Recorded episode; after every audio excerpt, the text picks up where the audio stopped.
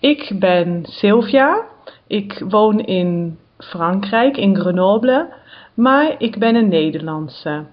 Fazouille, die woont in Duitsland en spreekt erg goed Nederlands en ze zal zich nu zelf voorstellen. Hallo, ik ben uh, Fasulje. is mijn internetnaam. Uh, ik ben Duitse. Ik woon in Noord-Rijn-Westfalen in uh, Duitsland. Dicht aan de Nederlandse grens. Alleen 25 kilometer van de Nederlandse grens. En ik ben 30 jaar geleden begonnen om Nederlands te leren aan de Universiteit van Bonn. Dat was toen nog de hoofdstad van Duitsland. En ik gebruik de Nederlandse taal elke dag, ook hier in Duitsland, per telefoon meestal, maar ook uh, veel schriftelijk.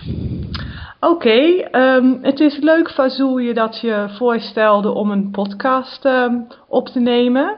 Ik denk dat het de eerste podcast is in de bibliotheek van Link.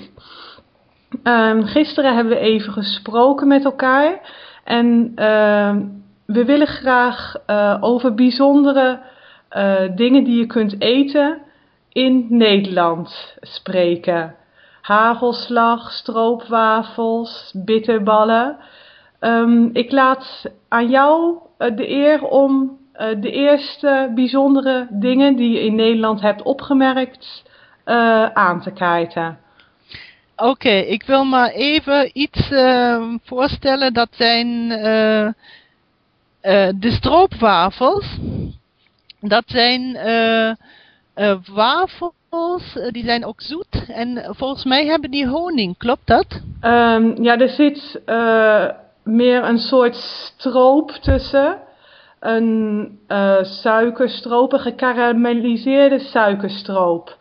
Stroopwafels is denk ik een van de bekendste koekjes uit Nederland die heel gemakkelijk geëxporteerd kunnen worden naar andere landen. Want iedereen vindt ze lekker. Ik zelf neem altijd als ik naar Nederland ga stroopwafels mee terug naar Frankrijk voor mijn collega's. Mijn man doet hetzelfde. En iedereen op, op mijn werk vindt ze heerlijk. Het is zelfs zo dat mensen van mijn werk, mijn collega's die later zelf naar Nederland zijn gegaan, ook stroopwafels hebben gekocht in Nederland. Dus dat vond ik een grote eer dat ze zo populair waren. Ah ja, ik heb ze overigens ook uh, graag gegeten in het verleden. Ik ken ze heel goed. Oké. En uh, ik wilde nog over chocoladeletters wat vertellen. Dat zijn grote letters uit chocolade en dat is iets bijzonders wat verkocht wordt uh, in de tijd van Sinterklaas in Nederland. Dus dat is zo voor 5 december. En uh, die zijn uit verschillende soorten van chocolade. Dat kan zijn um, uh, melkchocolade of... Uh, um, pure chocolade. ja, oké, okay, pure chocolade wordt dat genoemd. Ook, dat kan bruine of lichte chocolade zijn. En die kan ook met noten zijn. En ja. dat is dan... Um, ja, ik denk dat alle kinderen met Sinterklaas, 5 december wordt dat gevierd in Nederland um, een chocoladeletter krijgen. Je krijgt dan een letter, uh, de eerste letter van je voornaam. Dus dat is ik, meestal gebruikelijk, ja, ja. Ja, ik krijg altijd de S. En het is altijd um, de grap in de winkels dat sommige letters niet meer beschikbaar zijn als je te lang wacht om je chocoladeletter te kopen. Dus dan wordt er wel eens uh, een grappige letter gegeven. En dan wordt er een grapje rond verzonnen van... Ja, je hebt... De S was uitverkocht, dus nu krijg je de letter T. Of uh, nu krijg je de letter uh, I. En mensen zijn ook soms een beetje jaloers. Want als je de letter I bijvoorbeeld hebt, zou je denken van...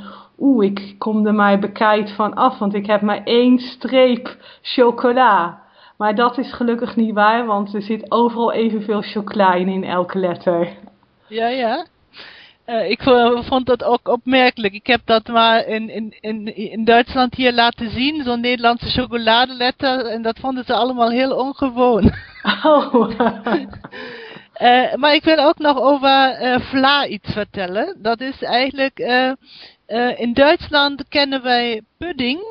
Mhm. Pudding is eh, dikker dan vla. Dat, de smaak is een beetje, het lijkt op elkaar, maar vla is zeer vloeibaar en Ja. pudding is zeer dik. En Oh, er zijn jullie helemaal geen vla in Duitsland? eh, er is wel al geïmporteerde Nederlandse vla, maar Duitse vla bestaat niet. Oh, jullie eten pudding. ja, en, en, en, en, en vla wordt ook in grote pakjes eh, ver- verkocht. Ja, in En- ehm vla wordt in Nederland in literpakken verkocht. Dat ziet vind- eruit als een, als een melkpak. Pak ja, een, een vierkant eh, kartonnen pak van 1 liter. Melk Ja. wordt ook zo verkocht. En daar zit dan vla in. Vroeger ehm, bestond er alleen vanillevla en chocoladevla. En eh, langzamerhand werden de vla smaken steeds populairder en zijn ze allerlei smaken vla gaan introduceren. Ook verschillende soorten yoghurt. En ik vind het zelf wel een goede gewoonte dat je gewoon een literpak, een kartonnen literpak koopt in de supermarkt met vla. Vooral als je een familie hebt. Want in andere landen heb je vaak van die hele kleine bekertjes, plastic. Dan Ja. heb je toch erg veel afval. Dus ik vind het eigenlijk veel praktischer dat je gewoon een kartonnen literpak vla koopt. En jezelf dat thuis in een schaaltje schenkt.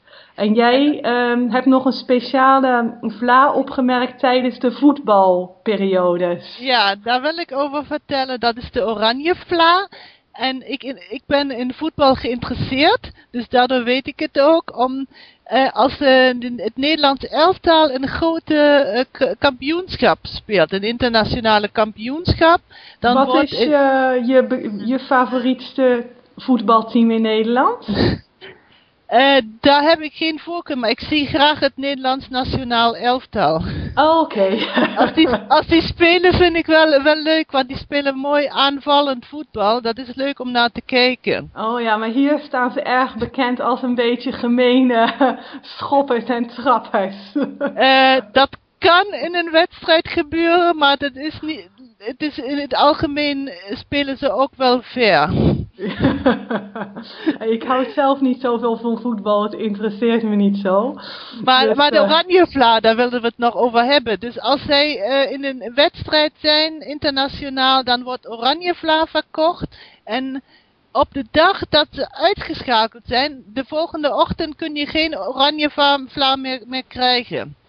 Ja, ik, ik heb zelfs nooit oranje vla gegeten, maar ik weet wel dat het bestaat. Ik, denk, dat dat, ik denk dat het sinaasappelvla is. Of, of, Ja, ik denk dat ze er wat eh, wortelkleurstof doorheen doen. en een beetje sinaasappelsmaakje. ze verzinnen wel wat. Maar ik moet nog even vertellen wat dubbelvla is. Want je kunt pakken met vla kopen. Daar is eh, op, de ene, op de rechterkant chocoladevla en op de linkerkant vanillevla. Ja, dat vind ik zelf ook wel lekker. En het is wel grappig, want je moet het pak als je het uit de winkel koopt niet te veel schudden. Want aan de bovenkant is het natuurlijk niet helemaal luchtdicht. Dus als je het dan heel veel zou schudden, zou het door elkaar komen. Dus als je het gewoon netjes recht in je koelkast laat staan en dan mooi uitschenkt, dan heb je mooi aan de linkerkant chocoladevla en aan de rechterkant vanillevla in je schaaltje. Hebben ze erg grappig bedacht, vind ik ook. Ja, ja, ja, ja. Dat vind ik, eh, vind ik wel origineel. Want eh, eigenlijk als je... Als Misschien je een ander ding. Ehm, Ja. we, we raken al bijna op de 10 minuten grens. Is dropjes. Ja, ja. Ik denk dat de meeste ehm, mensen die uit het, niet uit Nederland komen en niet dat al in hun jeugd geproefd hebben, dat verschrikkelijk vies vinden. We hebben het wel eens laten proeven aan buitenlanders en dat kunnen ze totaal niet waarderen. Een dropje is een zout snoepje. En ik denk dat je het echt al in je jeugd gegeten moet hebben om het lekker te vinden. Vind Ja. jij het lekker? Ik vond drop nooit lekker, maar in Duitsland hebben ze alleen zoete drop.